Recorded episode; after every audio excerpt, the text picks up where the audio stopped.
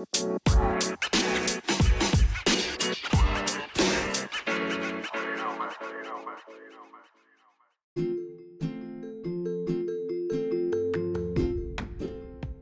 guys, welcome to Potek, podcast Himatek.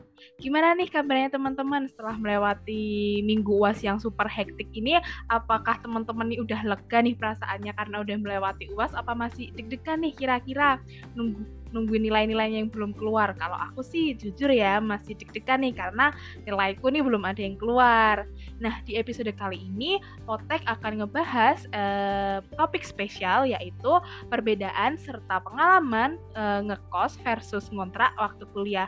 Pasti kan banyak nih teman-teman yang merupakan anak rantau terus bingung nih eh, pertimbangan apa nih yang aku pilih buat ngekos atau buat ngontrak. Nah di episode kali ini eh, Potek udah kedatangan narasumber spesial ada Dina sama Laila. Sebelum kita tanya-tanya, boleh kenalan dulu nggak nih Dina sama Laila? Mungkin dari Dina dulu deh. Baik, terima kasih atas kesempatannya. Sebelumnya, perkenalkan nama saya Ridho Rahadina Wigatma dari Teknik Kimia Angkatan 2021. Aku biasa dipanggil Dina. Halo Dina. Dina asal mana nih Dina? Halo, aku asal Probolinggo, Kak. Oke, lanjut nih ke Laila.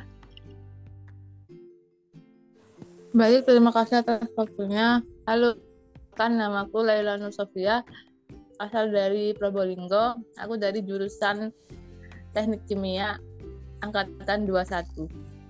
Oh, berarti kalian ini dari kota yang sama ya, sama-sama dari Probolinggo ya? Iya, Kak. Cuma beda daerah iya, gitu. Kak.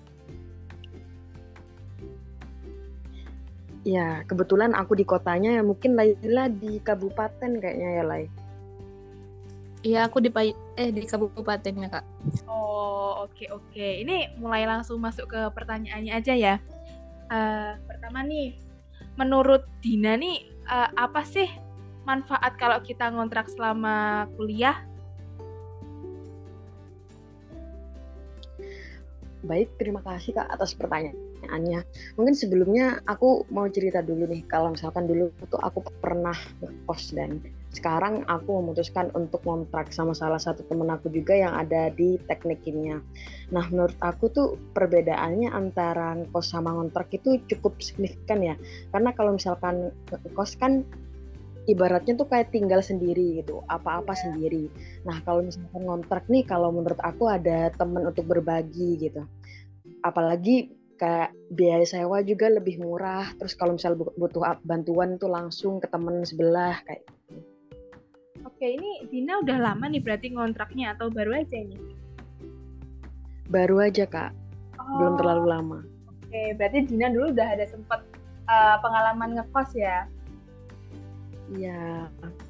Oke nih, kalau Laila nih mungkin uh, bisa diceritain nih kenapa lebih milih ngekos daripada ngontrak. Kalau Dina tadi kan lebih milih ngontrak ya. Kalau misalkan Laila ini mungkin bisa diceritain nih kenapa alasannya lebih memilih kos ngekos. Ya, terima kasih Kak atas pertanyaannya. Menurut saya lebih enak nge, apa ngekos soalnya kan kayak barang-barangnya kayak tempat tidur lemari sama meja gitu udah disediakan kan dari dari kosannya. Dan terus kayak wifi juga sudah tersedia. Jadi nggak ribet kita juga cuma tinggal nempatin aja gitu. Beda sama kontrak kita kan masih kayak apa-apa nganunya sendiri gitu. Kayak bayar masih bayar yeah. listrik sendiri wifi sendiri. Ya terus bayar PDAM kayak gitu sih kak. Terus kalau kontrak kan juga nyaman juga sih kayak bareng-bareng sama teman-teman gitu ngerjain tugas bareng-bareng gitu. Tapi kan masih ada gak ada private gitu butuh. Kan aku butuh private gitu kan kak. Jadi hmm. lebih enak. Oke. Okay, gitu oke. Tadi kan uh, Laila tuh sempet nyinggung nih masalah bayar ini bayar itu bayar ini. Sekarang aku mau tanya deh uh, kalau misalkan dari segi pengeluaran tuh kira-kira tuh uh, lebih banyak keluar ngontrak atau lebih banyak keluar ngekos ya? Mungkin Dina boleh ngejelasin dulu deh kalau ngontrak tuh kira-kira pengeluarannya di mana di mana di mana nanti bisa dilanjut ke Laila.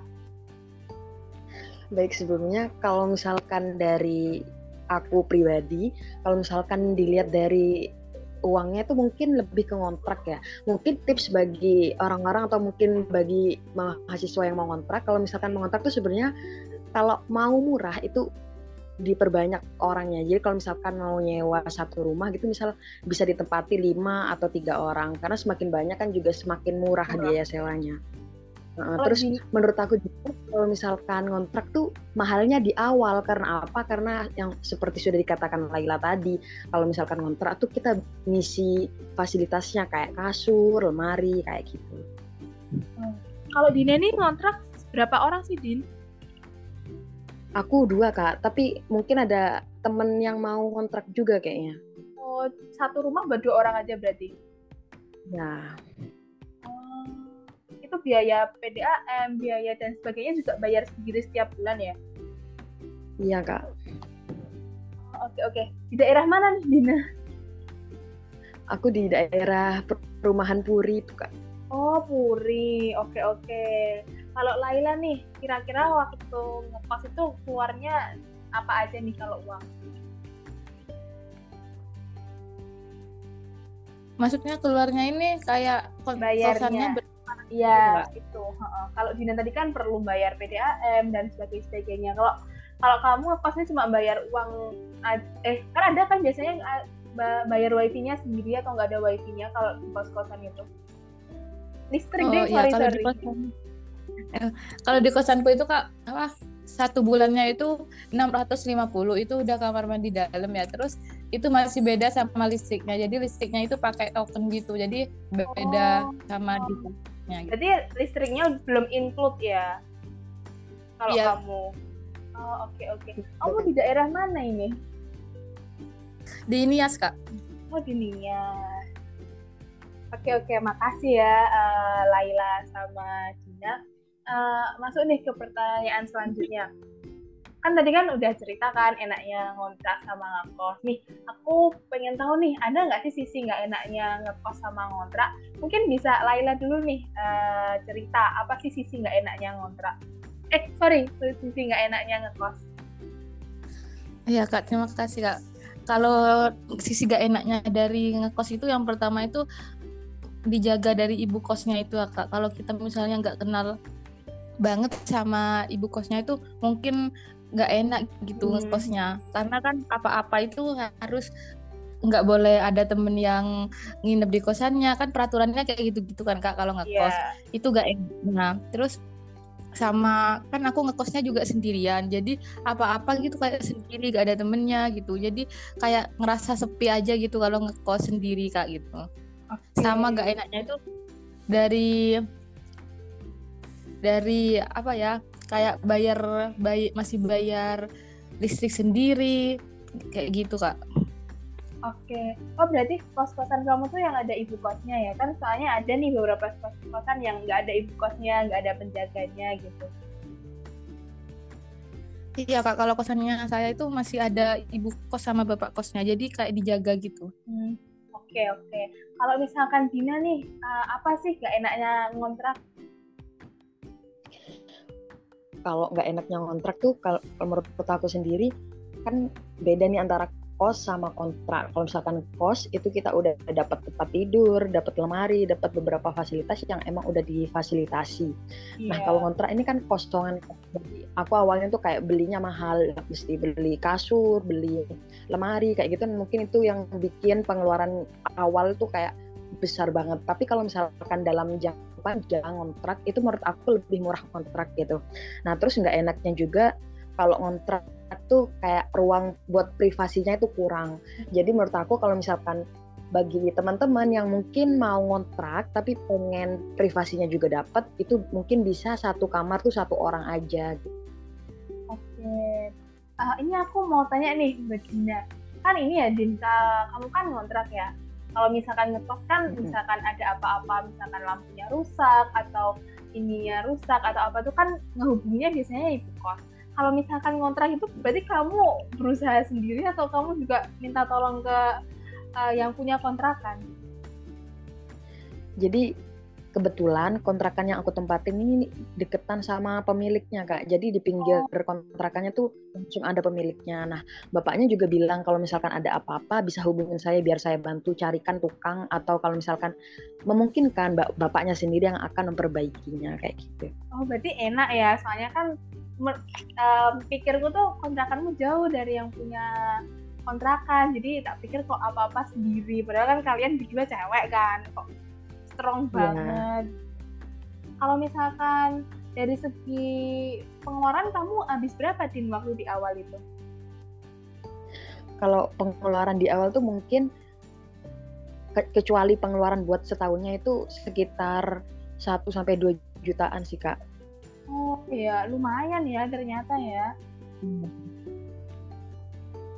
Oke nih, lanjut nih ke pertanyaan selanjutnya.